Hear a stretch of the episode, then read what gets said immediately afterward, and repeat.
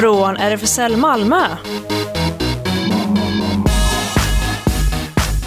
Välkommen till Radio RFSL från Malmö. Jag heter Jonas och i studion med oss sitter väldigt mycket folk. Radio RFSL står för Riksförbundet för homosexuella, bisexuella, transpersoner, kveras och intersexpersoners rättigheter. Och i studion sitter fyra personer just nu och bredvid Jonas sitter en femte. Så vi är fullt hus. Just det, verkligen. Ja, fått det... lite extra stolar in i studion också. Ja, våra gäster som egentligen kommer från Rumänien men för ögonblicket bor i Skåne för all framtid kanske. Man vet inte. Kristina och Andrea, välkomna! Och så har vi ju eh, som vanligt Ellen sitter här. Och Sofia. Och Klots. Så det jag hoppas att eh, kära lyssnare där ute håller bra koll på hela eh, eh, teamet i studion idag. Ja, vi ska ha så mycket punkter. Som vanligt är det späckat i vårt schema här. Ja, verkligen. Ja. Eh, först är det då Less Working-konferensen som Sofia har varit på. Mm. Mm. Ska berätta om det. Sen invigdes ju Elisabeth Olsson Wallins fantastiska tavla Paradiset i Sankt Pauli kyrka i söndags. Och det var jag på. Och sen har vi två poddar som vi ska presentera. Dels vår egen Jonas-podd. Beirut-podden, precis. Första avsnittet släpptes idag. Mm. Spännande. Och sen oss slagernördar emellan så kommer ju också QX-profilernas slagerprofiler inför Melodifestivalen. Första avsnittet är släppt. Och det är kanske mest Claes som peppar inför det just Nej, ni är väl med alla? Vi andra tittar skuldmedvetet ner i golvet. Okej, okay. men först lite musik. Precis, och den första låten fick vi faktiskt eh, med oss som tips av eh, det nya tekniska medlemmet här bredvid mig. Eh, Tones and I, Dance and Monkey och det eh, fick jag höra att det är, eh, var en väldigt eh, känd, eh, eller har blivit väldigt känd, en gatumusiker som nu har blivit väldigt stort utanför Australien också.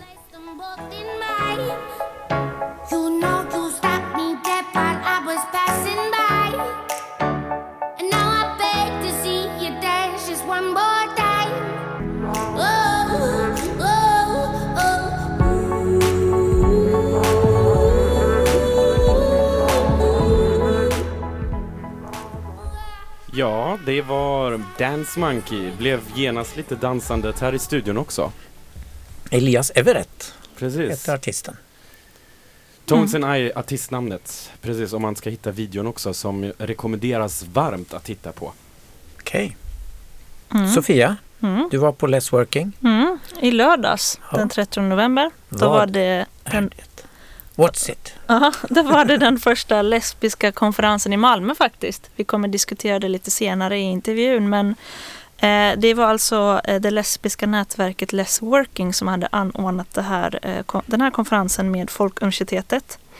Och eh, en del av eh, programmet var då lesbisk hälsa som RFSLs rådgivningens eh, Elisabeth Nidsjö höll i. Sen hade vi också ett pass om mellanmänskliga relationer och härskartekniker med Jeanette Larsson som hade, som hade varit polis en gång i tiden och pratat lite om eh, den verksamheten och sådär. Det var väldigt spännande. Sen var det också ett panelsamtal eh, som handlade om lesbiska då och nu. Eh, det var en blandad kompott med Gudrun eh, Hauksdottir, Stella Skott, Sara Benimsson och eh, Michaela Mikaela Kalaris och moderator var Lo Mattei. Och sen eh, dagen avslutades då med eh, en workshop i lesbisk agenda. Ehm, spännande och vi fick även möjlighet att intervjua ehm, Michaela Mikaela Kalaris och Edith Escobar från Less Working Sverige. Här står jag på Less Working konferens den 30 november 2019 eh, i Malmö med Edith Escobar och Michaela Kalaris. Vad är era tankar och eh, liksom intryck från dagen hittills? Um, vi har faktiskt lyckats uh, fylla hela lokalen så det är jättekul. Um, och um, vi har haft två föreläsningar än så länge och som nu väntade en panel och en workshop under dagen så det har varit uh, mycket trevligt. Mm. Ja, jag håller med. Och sen att uh engagemanget från deltagarna har varit väldigt stort och ja, jag är jätteglad på grund av det för att de, de verkar, det verkar ha behövts någonting sånt som alla är jättetaggade, inte bara vi utan deltagarna och de som håller i föreläsningar. Mm. Mm. Och Edith, du inledde ju eh, konferensen med att säga att det här var den första lesbiska konferensen av dess slag i modern tid. Men det visade sig även att det var kanske eh, Eh, prehistoric times. ja, precis. Alltså jag, jag, vad jag vet, var, det har inte varit någon lesbisk konferens i Malmö. Och då sa jag i modern tid, för jag visste inte eh, att det hade funnits innan. Men jag fick bekräftelse om lite äldre damer som deltar här att det är, denna är den första. Så det, alltså, jag är jättestolt över att vi gjorde det. Ja, precis. Ehm, vi har en lite äldre målgrupp än så länge. Så eh, ja, det blev den första, jag tror även i Sverige faktiskt. Jag tror inte att det bara är i Malmö, jag tror att också det är Stockholm och Göteborg som gäller. Så vi är jätteglada för, eh, mm. för det. Och eh, vad har syftet varit i, liksom, med den här konferensen? Vad har ni velat uppnå? Eh, vi har velat, alltså man ska nätverka, utbyta erfarenheter, kunskaper eh, och sen så lägga grunden för ett eh, arbete framåt helt enkelt. Och det gör vi tillsammans även under en workshop så folk har möjlighet att eh, pitcha in sina idéer också. Mm. Precis. Och tanken är att synliggöra lesbiska mer, för att vi har varit ganska osynliga i hela hbtq-communityt. Eh, och genom sådana träffar kan vi ja, kunna jobba tillsammans, som, som Mikaela så lägga fram en agenda på, på hur vi kan eh, jobba vidare med, med detta. Och det som jag tycker är väldigt intressant här, att det här är ju, eh, som ni är in, lite inne på, att det är liksom en annan målgrupp än vad man brukar se när man är i sån här sammanhang, hbtq-sammanhang i, i Malmö. Hur har ni jobbat med att nå ut till liksom en målgrupp som man kanske inte, så kanske inte är så självklar ändå eh, i andra sammanhang?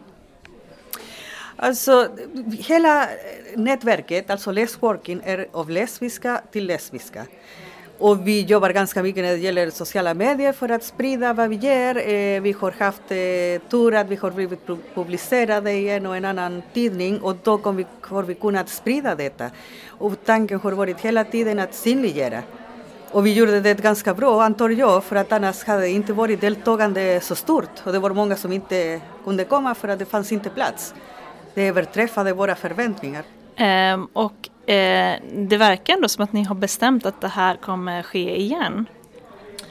Eh, ja, just för att eh, vi har fyllt lokalen nu och att det var flera som inte kunde komma. Så absolut så kan vi fundera på ytterligare en konferens för att vi har haft eh, flest så AVs och workshops enstaka. Mm. Men det är roligare att göra lite större grejer eh, där flera kan komma i så fall. Mm. Ja, vi hade en idé om att detta behövdes. Men nu har vi fått ett konstaterande att detta behöver genom alla deltagarna. Och det känns som om man hade kunnat köra det i två dagar. Alltså det, det är så mycket som det finns att diskutera. Och, ja, det finns, behovet är större än, än vi trodde att det skulle vara. Så det är absolut, i alla fall i tanken, visionen är att köra en till. Och er resa har varit ganska intressant för ni eh, startade ju den Less Working, det här nätverket, i år. Och nu så här nära jultid, så det är då man brukar summera liksom året. Hur har året med Less Working varit? När ni kom hit till Radio RFSL för några månader sedan var, var det fortfarande ganska nytt. Så nu har det ju hänt eh, lite mer tänker jag. Eh, ja, precis. Jag kommer ihåg när vi var eh, hos er på radion. Eh, och vi hade mer eh, planer på vad vi vill göra. Men sen när vi tittar tillbaka, alltså vi har gjort mycket mer än vi själva trodde att vi skulle hinna göra. Alltså det har väl tagits eh, små steg framåt men när man blickar tillbaka så blir det rätt mycket om man kollar på helheten. Men vi vill ju växa långsamt så har vi någonting stabilt också i framtiden. Mm. Och vad tänker ni eh, är planen för Less Working 2020? Vi fortsätter med våra mingelkvällar med eh, afterworks och så hoppas vi såklart på ytterligare en eh, konferens. Mm. Så, och det hade också varit roligt att besöka våra systrar i eh, Spanien faktiskt. Att uh, köra en resa gemensamt dit, kanske med Let's Working Sweden och, och så besöka uh, Spanien. Det hade varit mm. roligt. Ja. Mm. ja, och sen är det också så att eh, workshops ska vi också ha. Vi, vi vill växa långsamt och, och, vi kommer att ha, efter, efter det, denna konferens ska vi göra en utvärdering. Eh, och då kommer säkert att finnas flera tjejer som vill bli involverade och då kan vi göra flera saker också. Så det är tanken också. Eh, ta, ta hit tillvara på all den där eh, kunskap och, och engagemang som finns så att flera kan engagera sig och, och så att vi kan jobba vidare med detta. Mm. Och snart måste ni springa iväg och fortsätta med konferensen Exakt. tänker jag. Men en sista fråga här kring, eh, ni pratade lite i början av konferensen kring eh, alltså nästa år och hur det här ska dels finansieras och sen ska det bli en förening, ska ni ha ett medlemskap och så. Vad, kan ni utveckla lite era tankar kring det? Alltså, vi vill eh, inte ha en förening som det ser ut just nu i alla fall. Ehm, men vi behöver hitta ett sätt att eh, få in några typer av medel för att nu så går det främst ur egen ficka. Så inte förening men, men tanken är att vi ska ehm, få in bidrag på något sätt så vi kan fortsätta på den här eh, nivån. Precis, och införa någon sorts betalande medlemskap som vi kan göra och sen eh, eh, alternativ kan också vara att göra detta tillsammans med andra aktörer, så några kan stå för lokalen, kanske Malmö stad, vad vet jag, och andra hbtq-organisationer. Eh, samarbeta med andra så att vi kan finansiera detta eh, och att det blir bättre, större och flera kan ha möjlighet att komma. Så vill ni sponsra oss så är det bara att ringa eller kontakta oss på Facebook. För nu är vi urfattiga. Det får bli de sista orden, tänker jag. Stort tack och eh, jag och alla andra här ser fram emot eh, nästa del av eh, den här konferensen.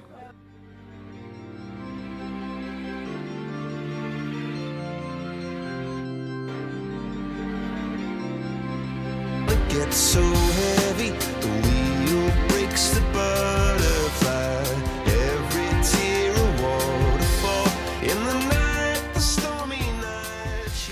Ja, det här var Coldplay med Paradise som egentligen skulle ha kommit efter det jag nu ska berätta om, nämligen tavlan Paradise. Men den låten som skulle komma efter Less Working eh, som heter My Best Friend, den tar vi sen istället. Eller? Vad fint att du biktar dig som i kyrkan ja. och det är väldigt passande för vad vi ska prata om härnäst. Ja, jag har ju varit i kyrkan första gången på en högmässa på jag vet inte hur många år. Fast jag har varit på regnbågsmässor ibland efter Pride men det kanske inte räknas. Nu var det i alla fall en adventsgudstjänst och det var så högtidligt och det var massor med folk i Sankt Pauli-kyrkan, nästan fullsatt. Och där invigdes då Elisabeth Olsson Wallins praktfulla tavla Paradiset och hänger där för all framtid kanske. Eh, och den hänger på räcket till en liten balkong ovanför den ordinarie gamla altartavlan. Sankt Paolo är den där runda kyrkan som ligger på Kungsgatan. Ja, alla vet förstås i Malmö var den ligger. Eller? Mm. Mm. Vid Hansa? Nej, det är Nej. Karoli. Jaha. Och den är inte en kyrka längre heller. Nej, den här ligger uppe vid Länsstyrelsen. Ja, just har faktiskt, en, har mm. faktiskt äh, regnbågsfärgade ingång också. Ja, den är mm -hmm. väldigt hbtq-certifierad ja. på alla sätt. ja. Eh, och den här tavlan som vi kommer att höra mer om alldeles strax i intervjuerna, den hänger då där i en sån här gammal guldram som tavlor ofta har i, i kyrkor. Lite smutsig guldram. Stor är den. Och paradiset, den eh, är då Lukas Kranach heter den som hon, Elisabeth Olsson Wallin, parafraserar här då. Eh, men hans Adam och Eva i, från 1530-talet, där är det förstås Adam och Eva med fikonlöv på lämpliga ställen. Och så ormen då som är hemsk och visar dem äpplet, kunskapens frukt och så. Men här är det inte så, utan här är det två samkönade par. Eh, det manliga paret är en färgad och en vit kille och så är det två tjejer. Och de har fikonlöv lite varstans. Och så är det ormen som inte är en orm utan det är en transsexuell person som sitter uppkluven i ett eh, stort träd. Det är inte ett äppelträd men det är äpplen överallt. Och så är det eh, äpplen på marken och så är det små djur och så är det i bakgrunden kan man skymta Skara domkyrka. Därför att det var dit den egentligen var ämnad men de ville inte ha den. Eh, Tavlan skänktes till kyrkan här nu av en privatperson, Mattias Bengtsson. Eh, och han berättar i det lilla samtalet vi har om hur han kom att äga den här tavlan och varför han skänkte den till kyrkan i Malmö. Och vi står i kyrkan när jag intervjuar honom efter den här pampiga adventsgudstjänsten och de många besökarna minglar med glögg och pepparkakor. Så är adventsgudstjänsten klar och invigningen av denna nya altartavla. Eh, mannen som donerade tavlan står här. Kan du berätta lite vem du är och hur du kom över den? Jag heter Mattias Bengtsson och jag samlar på konst. Och jag har köpt en hel del av Elisabeth. Och eh, jag frågade om denna fanns kvar. Och det fanns den och då fanns det möjlighet att förvärva den. Så kul. Hon ville ju skänka den till Skara domkyrka men de tackade nej. Så sen knep du den då? Ja, och då har den hängt i mitt tv-rum i några år nu. Så. Och hur kom du på idén att skänka den hit till Sankt Pauli? Jag har försökt att låna ut den vid Pride och eh, drop-in-bröllop men det är ingen som har velat nappa. Så läste jag en artikel när jag satt och googlade om tavlan att kyrkan i Malmö vill ha den. Och då skrev jag till Helena här nere och hon nappade direkt. Vad kul, ja det blev en fin invigning, eller hur? Jättefin, kanon. Då får jag väl uttrycka vår och Malmös tack till dig också. Tack ska ni ha, tack. Ja, Helena, som man hänvisar till, Helena Myrstener, hon är präst i Sankt Pauli och Sofia Tunebro, hon är präst också och chef för den här kyrkan. Och hon tackade under gudstjänsten högtidligt Mattias för gåvan och gav honom en symbolisk nyckel så att han när som helst skulle kunna komma in i kyrkan och njuta av sin gåva. Nyckeln fungerar inte men han skulle få ett passerkort efteråt, sa Och här berättar Sofia nu om den fantastiska historien bakom donationen. De flesta har gett sig av nu men du har varit så omsvärmad Sofia. Du är präst här i Sankt Pauli. Ja, ja jag är präst och arbetsledare här. Ja, det har varit en eh, kunglig stämning här idag. Mycket folk. Ja, mycket folk och mycket glädje och förväntningar. Berätta om tavlan. Hur i all världen gick detta till? Ja, men det är en enastående historia. Det var ju så eh, att Elisabeth Olsson Wallin gjorde ju denna då eh, inför ett tv-program. Eh, och gav den då 2012-2013 eh, i det tv-programmet till eh, Skara domkyrka. Den gjordes inför en samkönad vigsel vill jag minnas och då var det så att hon gjorde den på en ställning så att man skulle kunna eh, välja att ta fram den när man, när man tyckte att den skulle passa. Som till exempel då om man skulle ha samkönad vigsel så såg inte hon sig själv i konsten i rummet. Och sen var det ju många turer runt den där och uppmärksamhet. Och Skara domkyrka valde ju av olika anledningar att eh, inte ta emot den där då. Eh, och i samband med det så var det några prästkollegor till mig, eh, Peter Englund och eh, Helena Myrstener som skrev i eh, kyrkans tidning så skrev de en artikel. Låt tavlan komma till Malmö. Och det var 2013. Och då var inte Malmös ledning redo för det. Eh, men den, där, den artikeln finns ju kvar. Eh, så i juni så började Helena att jobba här i Sankt Pauli kyrka. Det var hennes första dag. Och samma dag som hon kom hit och jag gick igenom koder och nycklar och tider och sådana tråkiga saker med henne så sa hon, jag har fått ett samtal från någon som säger att han äger paradiset.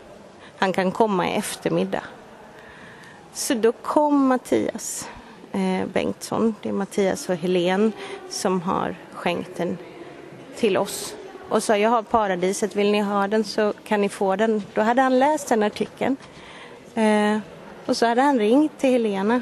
Eh, och sen så bemötte jag honom med, med nog en väldigt sån klassisk lärjunge biblisk skepticism och ställde många frågor. Är det originalet? Var har du fått det ifrån? Hur är, är det möjligt? Ja, det var för stort för att förstå.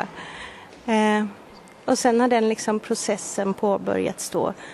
Och vårt verksamhetsråd här i kyrkan har tackat ja till att ta emot den. Och, ja. och sen denna första advent när vi äntligen får göra det officiellt och presentera den här i kyrkorummet. Så det är som att mina kollegor sände ut en bön då som besvaras nu. Ehm, helt enastående att få vara med om. Fantastisk process. Ja, verkligen. Men vad säger biskopen till exempel? Biskopen vet jag inte. Jag har inte pratat med honom om det här. Jag tror att han är glad. Alltså, vi har bara bemötts av eh, glädje och kärlek och ja. Egentligen det, det vi gör är ju att vi öppnar upp för en större inkludering i konsten, i rummen. Det är ju ingenting som har ändrats. Eh, vi, Svenska kyrkan har ju vigt samkönade sedan tio år tillbaka. Eh, vi har eh, tillsammans med Eko den här regnbågsnyckeln så vi kan bli regnbågscertifierade, alla kyrkor. Eh, vi finns med i det här arbetet hela tiden.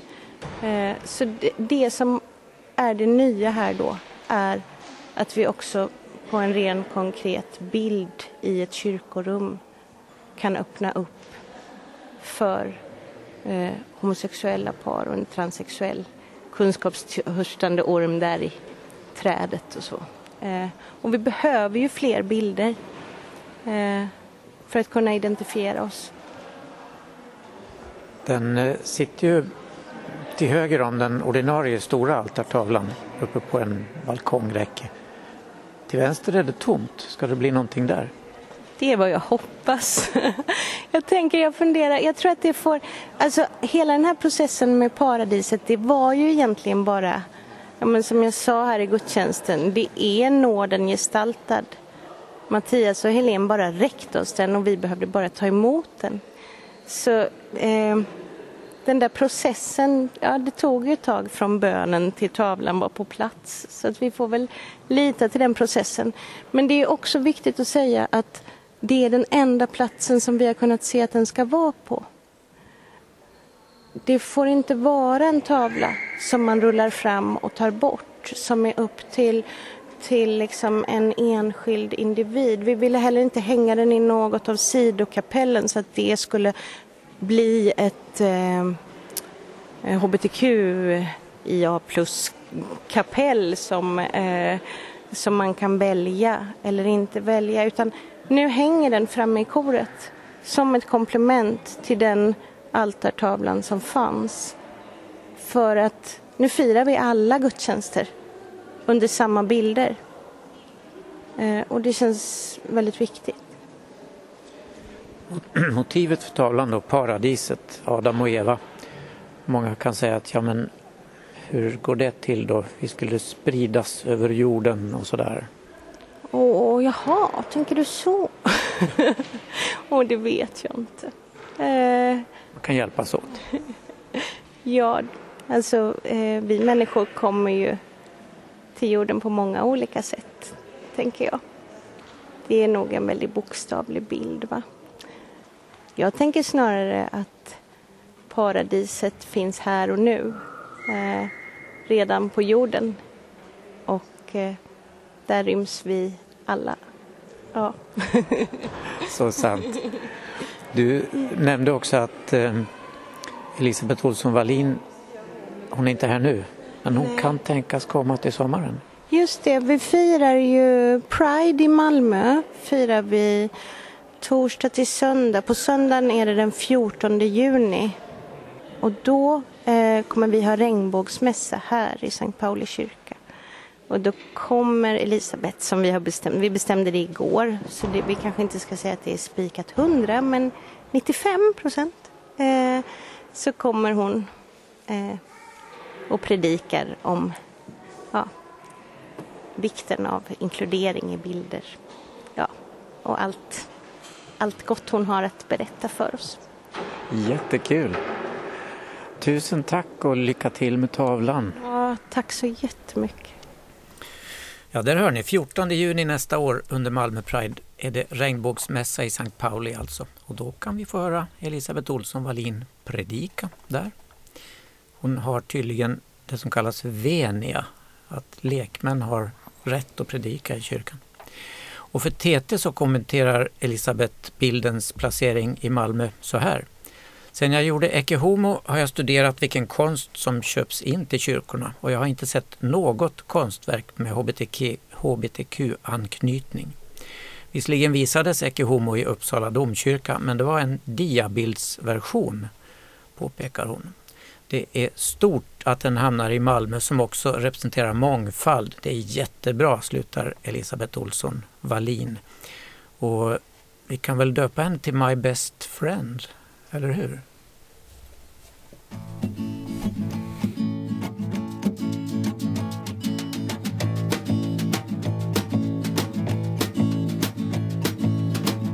You call me up in the morning so I can follow you.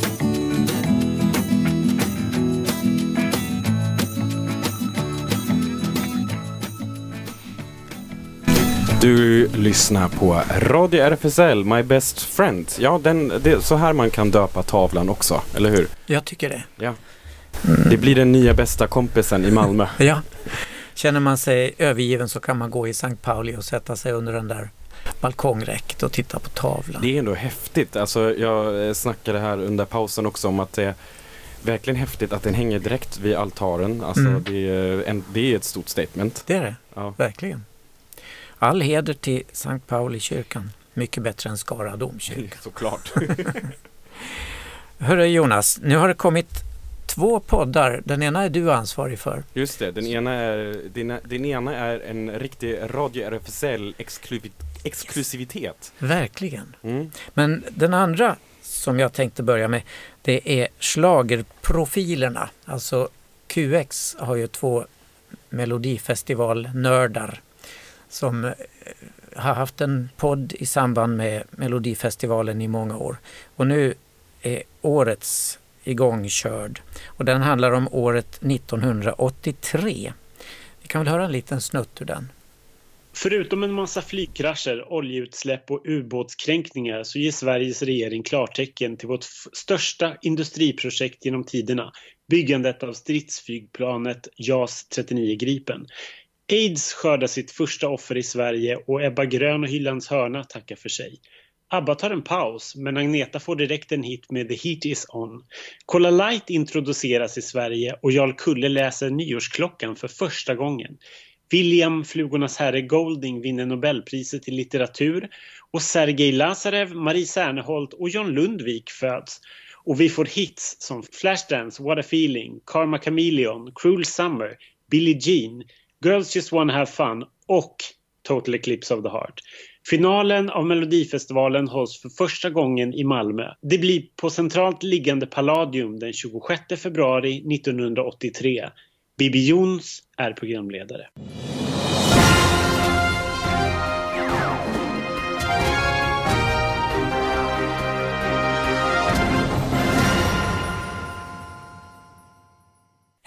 Allihopa! och välkomna till ett nytt avsnitt av QX Schlagerprofilernas podcast. Podcasten där vi går igenom ett års final eller en deltävling i Melodifestivalen. Och vi som är QX Schlagerprofiler, vi är fortfarande 2019 Ken Olausson och Ronny Larsson. Minsann! Ja, och sen häcklar de den här schlagerfinalen i Malmö. Denna pyttelilla lokal som en biograf och den pyttelilla scenen där artisterna skulle försöka dansa då utan att kunna ta ut svängarna riktigt. Men de gör det jättebra. Jag tycker den är väl hörvärd och den finns där poddar finns. Bland precis annat. som Precis, precis som den här. Jag eh, ville, tänkte faktiskt för att den podden som nu släpptes idag av Radio RFSL, den är ju på engelska så den når ut till lite fler icke-svenskspråkiga, också bland annat de som jag producerat podden med i Beirut och eh, den har redan fått lite spridning där, har fått lite återkoppling.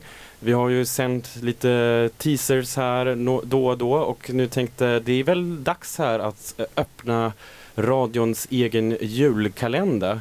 Så eh, vi ska bara teasa lite till så att man sen kan, kan gå in och klicka där det finns poddar för att lyssna på det hela. Men eh, här får du lite mer smak på Malmö meets Beirut. Música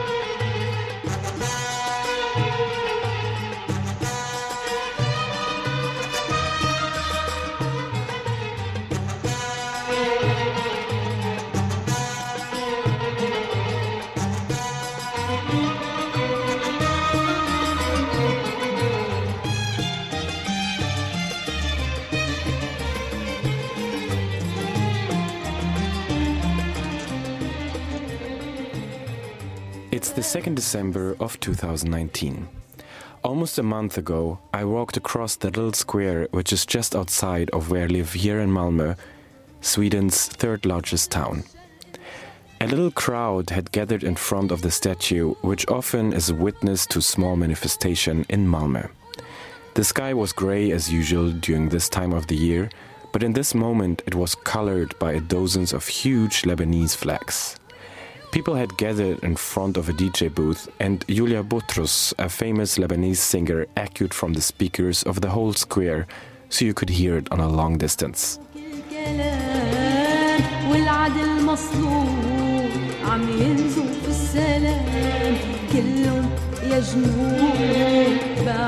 الكلام والعدل مصلوب عم ينزو شو همنا الحروب شو همنا الحروب رح نبقى نحنا هون ويفنى كل الكون People had gathered to show their support for the demonstrations that had just started in Lebanon those days.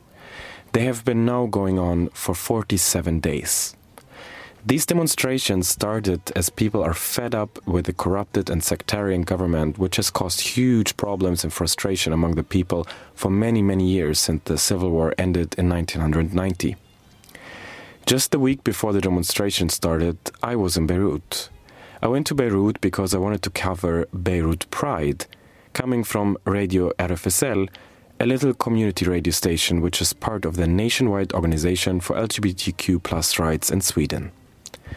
The week before I flew to Lebanon, a manifesto appeared on social media and spread very quickly, written from within the LGBTQ community in Beirut, asking people for a boycott of Beirut Pride.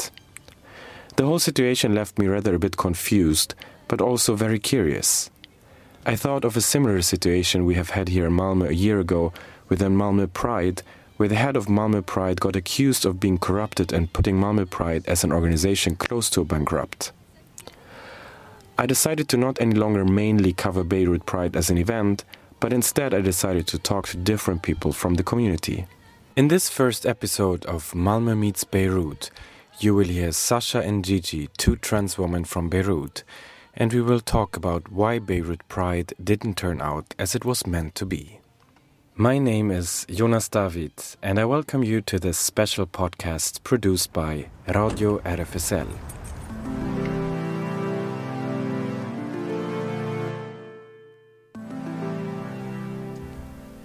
Ja, nu får man ha alltså lite tålamod och vänta tills den här sändningen var slut, eller hur? Och eh, fortsätta lyssna på Gigi och Sasha och också på eh, Larry. Precis.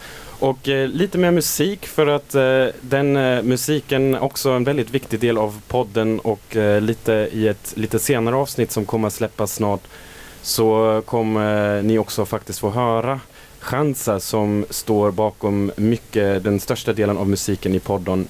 Och den här låten som heter Chaberni Kif som, berättar, som betyder så här mycket som Berätta för mig hur. لو بمنام حكينا حبنا غريب حبنا غريب ونسينا تايهين بكلام ولو في كلام ما حكينا.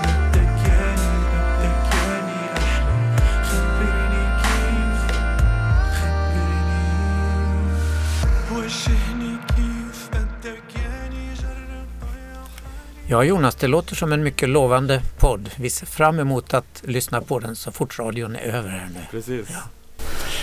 Då har det blivit dags för lite nyheter. 500 i flashmob mot sexuellt våld. Filmklippet med det chilenska kollektivet Las Teses protest mot sexuellt våld och våldtäkter under de regeringskritiska protesterna i Chile har spridits brett över världen. På måndagskvällen deltog omkring 500 personer i en svensk version, berättar Dagens Arena. London, Berlin, Paris, New York. Det är bara några av de städer där det har arrangerats egna versioner av det chilenska konstkollektivet Las Teses flashmob, det vill säga en blixtdemonstration där en grupp människor samlas, gör något oväntat en kort period och därefter skingras. I det här fallet en koreografi och en vers benämnt, eh, nu någon som pratar bättre spanska Un viol violador en tu camino. Precis. En våldtäktsman korsar din väg på svenska, som är en reaktion på rapporter om hur kvinnor trakasserats och våldtagits under de regeringskritiska protesterna i Chile. Enligt en rapport från National Human Rights Institute har fler än 70 sexualbrott som begåtts av myndighetsföreträdare anmälts. Flashmobben i Stockholm arrangerades, den partipolitisk obero arrangerades av den partipolitisk oberoende feministiska föreningen Döttrar för internationell solidaritet som bildades i Stockholm i samband med att massprotesterna i Chile inleddes i början av oktober. Och vi kan lägga ut en länk till detta också och hänvisa faktiskt att jag har hört rykten om att det också ska bli en flashmob här i Malmö. På lördag blir det faktiskt Stortorget. Det berättar vi om lite senare. I Japan. Stöd för samkönat äktenskap ökar markant. Kan det bli ny lag? Stödet för hbtq och samkönade äktenskap ökar i Japan, men gamla traditioner är motkrafter. På många sätt har det skett dramatiska förändringar i landet. Stämningar som, inläm- äh, stämningar som inlämnats i år av sex samkönade par som söker erkännande av äktenskap av samma kön är de första i sitt slag i Japan. Offentligt stöd för äktenskap av samma kön har ökat under de senaste åren, vilket gör att lagligheten plötsligt verkar inom räckhåll. Lokala myndigheter erkänner allt mer partnerskap av samma kön och till och med Japans kända strikta företag har börjat komma ut till förmån för dem. Men vinsten verkar ännu vara långt borta. Hbtq-personer möter ett starkt tryck att anpassa sig till de tysta kvävande normerna i ett samhälle där många föräldrar och arbetare fortfarande är obekväma med tanken på att deras egna barn och kollegor kan vara homosexuella. Och de konservativa politikerna som driver landet och förtrycker dess eh, ibland oflexibla kultur vägrar att ta in frågan. Läs mer om detta i New York Times. Vi lägger upp länk till den artikeln också. Estländskt regeringsparti angriper hbtq-personer. Hbtq-rörelsen i Estland har de senaste månaderna fått utstå attacker ifrån nationalkonservativa regeringspartiet ECRE, rapporterar Expo i Sverige. ECRE sitter sedan i våras i Estlands regering tillsammans med Centern och konservativa Isenma. Sedan ECRE släpptes in i regeringen har landet bland annat tagit en ännu hårdare ställning mot invandring, berättar QX. ECRE-ledaren Mart Helme använde under valkampanjen Sverige som ett varnande exempel på varför han tycker att Estland borde strama upp invandringen ytterligare. trots att bara 95 personer sökte asyl i landet förra året och att Estland endast tagit emot ett par hundra flyktingar under de senaste 20 åren, rapporterar SVT. Helme sprider också den högerextrema hatmyten säger att vi vill inte bli ett land som Sverige där det finns no-go zones, där inte ens polisen vågar röra sig. Bullshit. Den klassiska klyschan, eller hur? Ja, verkligen. Och nu larmar Estlands motsvarighet till RFSL om att Ekre gått till attack mot civilsamhället. Bland annat har partiet med riksdagsmän i spetsen protesterat utanför en hbtq-ungdomsgård för att, eh, som det heter, stoppa homopropagandan.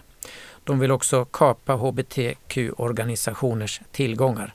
Estländska skattebetalare ska inte finansiera organisationer som främjar homo och genusideologi, menar de. Tusentals hjälpgrupper stoppade i Uganda. 85 procent av alla hjälporganisationer i Uganda, över 12 000, har förbjudits från att verka i landet. Åtgärden syftar enligt statliga företrädare till att rensa bort organisationer som gör dåligt ifrån sig. Men bedömare varnar för att nedslagen kan vara riktade mot hbtq-aktivister och politiskt oppositionella. Utrensningen är bra å andra sidan, men kommer sannolikt att utvecklas till något dåligt. Det säger Uganda-kännaren Sverker Finström som är docent i kulturantropologi vid Uppsala universitet. Han påpekar att regeringen med den mångårige presidenten Yoweri Museveni i spetsen blir allt mer desperat i försöken att kontrollera och stoppa oppositionella grupp, organisationer. Det gäller även grupper som arbetar med hbtq-frågor. Föreningen Homan i Göt eller Homan, eh, Göteborg finns till för flyktingar som är hbtq. De tar emot människor från hela världen men de flesta kommer från Mellanöstern och är nyanlända. Föreningen arbetar med frågor som rör hbtq och samhälle samt hedersrelaterat förtryck och våld, integration, islamofobi, posttraumatisk stress och trauman, psykisk ohälsa och mer i samkönade relationer, sex och samlevnad med mera. Tyvärr har Homan i Göteborg nu förlorat föreningsstödet på grund av de nedskärningarna som görs inom social resursförvaltning i Göteborg. Föreningen anses kunna bedriva all verksamhet utan bidrag från staden vilket ödelägger verksamheten. Då kan den väl inte riktigt bedrivas. Eh, det, skriver, det skriver verksamhetsledaren på Human Adesher eh, Bikabadi i en debattartikel i eh, GT eh, Expressen. Han menar att krisen beror på Alliansens nedskärningar inom social resursförvaltning och man kan också läsa mer om det i, på Expressen som vi kan länka ut till. Ja, vi berättade ju nyligen om succéparet Jakob Faurby och Silas Holst som tävlade i danska versionen av Let's Dance. Och i fredags stod det klart, de vann hela tävlingen. I Danmark heter tävlingen i TV2 Vild med dans och där vann alltså de samkönade, det samkönade paret efter 12 veckors stenhårt tävlande vid finalen i Horsens Forum. Det är första gången i världshistorien som ett samkönat par vunnit den här tävlingen som ju körs runt om i världen på olika språk. Det var också första gången tre par tävlade om första platsen i den danska tävlingen. Alla par fick två chanser att skärma juryn och tittarna. Ena gången i en självvald dans och därefter i en fristil. Skådespelaren Jakob Feuerby och proffsdansaren Silas Holst valde en paso doble som fick jurymedlemmen Mariana Eihilt att jubla. Jag är så stolt över att bo i ett land där två män kan dansa i en sån här final, utbröt hon enligt Sydsvenskan. Spellistan ifrån eh, tävlingen har jag hittat. Eh, jag kan inte se dansk tv hemma tyvärr. Och jag vet inte om det här är paso doblen men vi kan ju föreställa oss det i alla fall.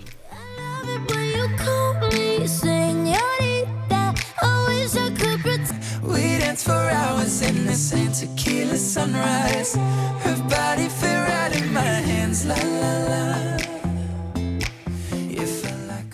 Har du börjat dansa, Claes? Lite grann här va? Ja, just det. Jag vet inte riktigt hur man dansar paso doble. Nej, men... jag vet inte heller. Vi får öva sen efter sändningen. Ja, men nu har det blivit väldigt mycket dags för Det händer på Radio RFSL. Radio RFSL är en del av RFSL Malmö som har sin lokal på Stora Nygatan 18 och en Facebook-sida med alla uppdateringar och eh, grupperna också som Newcomer som träffas fredagar mellan 16 och 19 Habitat Q på måndagar och onsdagar mellan 17 och 19 på Sofielundsvägen 5. Och sen eh, är det dags nu igen för klubbkväll och pub på fredag den 6 klockan 19 och då ska man ju helst vara medlem i Man ska RFSL. vara medlem, annars Precis. kommer man inte in. Nej, och det finns egentligen ingen, inte heller någon ursäkt för att inte vara medlem i RFSL Malmö. Nej, det borde alla vara. Seniorcafé äger rum på söndag sen. Då gästas eh, Seniorcaféet av Lars Hector, eh, den legendariska klubbägaren som talar om guldåldern med- Trocadero och eh, andra spännande fester. En studiecirkel om asexualitet kommer också äga rum klockan 19 i lokalen på Stora Nygatan och det är en öppen icke-separatistisk eh, studiecirkel, tio veckor och det första, eller nykommande eventet äger rum den 11. Sen Regnbågskören som vi också får flagga för, julkonserten den 14 december i Sankt Maria kyrka. Och eh, filmvisning Sand Dancer den 18 mellan 17.30 och 21. Så det är en massa saker som händer här på eh, RFSL Malmö faktiskt. Och SLM det är ju en medlemsklubb bara för män som finns på Sallerupsvägen 30 i Malmö. På fredag den 6 december då har de temat Naked and Underwear. Eh, Det är insläpp mellan 22 och 24.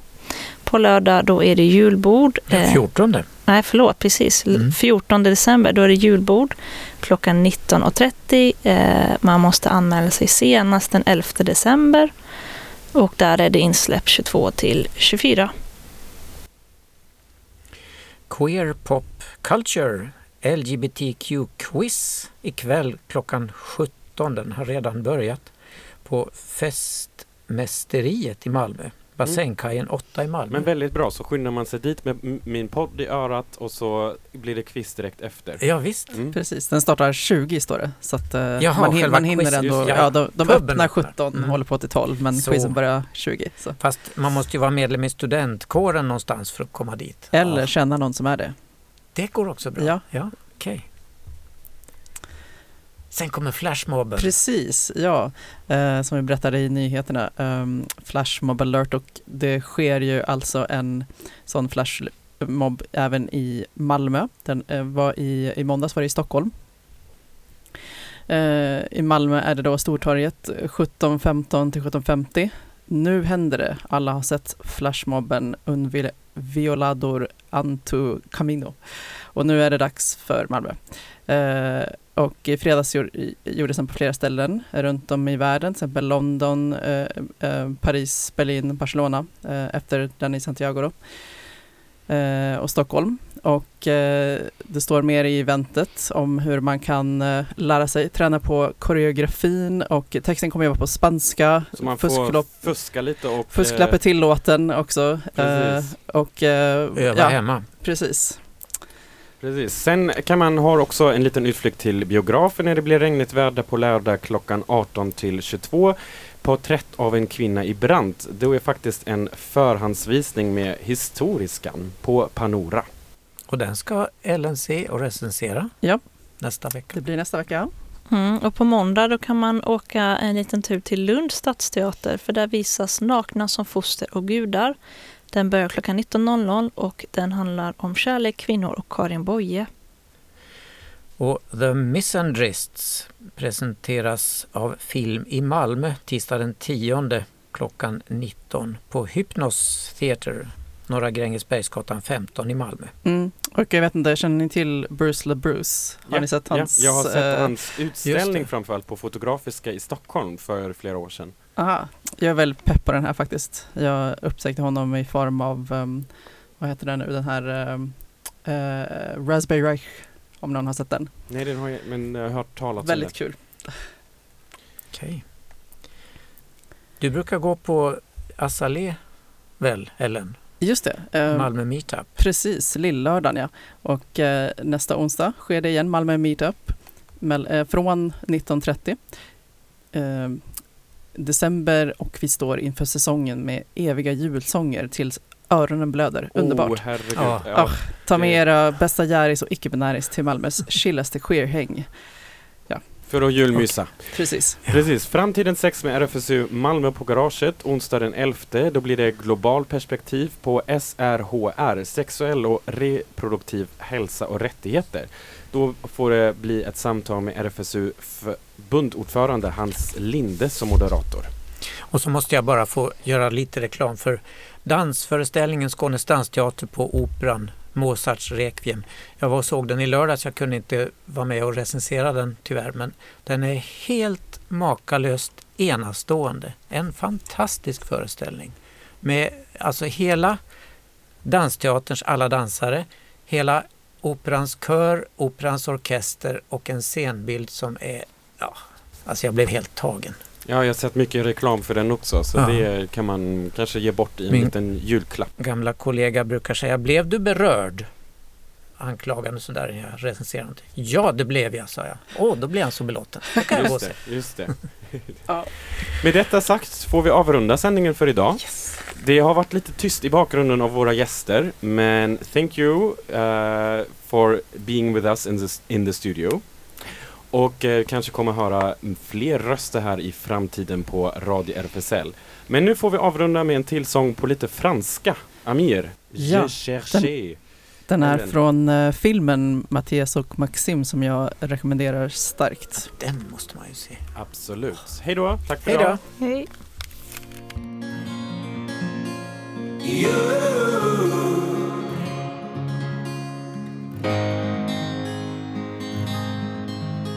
J'ai cherché un sens à mon existence, j'y ai laissé mon innocence, j'ai fini le cœur sans défense, j'ai cherché l'amour et la reconnaissance, j'ai payé le prix du silence, je